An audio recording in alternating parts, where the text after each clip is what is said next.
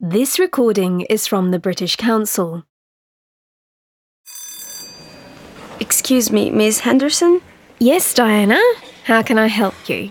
I'm sorry, but I can't come to class next Wednesday. I have a doctor's appointment. Okay, thanks for letting me know. Is there anything to do at home?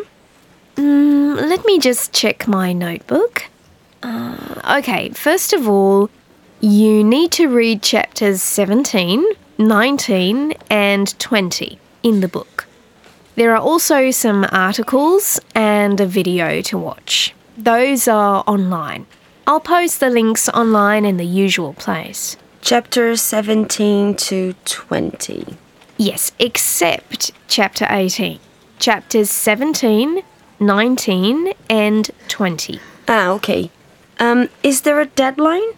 Yes, this Friday. But there's something else. I was going to give you all a practice test. A practice test. Yes, to help people prepare for the midterm exam.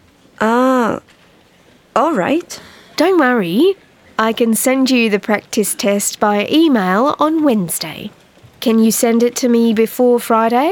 Sure. No problem. And don't forget to bring a certificate from the doctor to the office. Thanks, Miss Henderson. I'll do that. You're welcome, Diana. Take care. This recording is from the British Council. To find more activities to practice your English, visit www.britishcouncil.org forward slash learn English.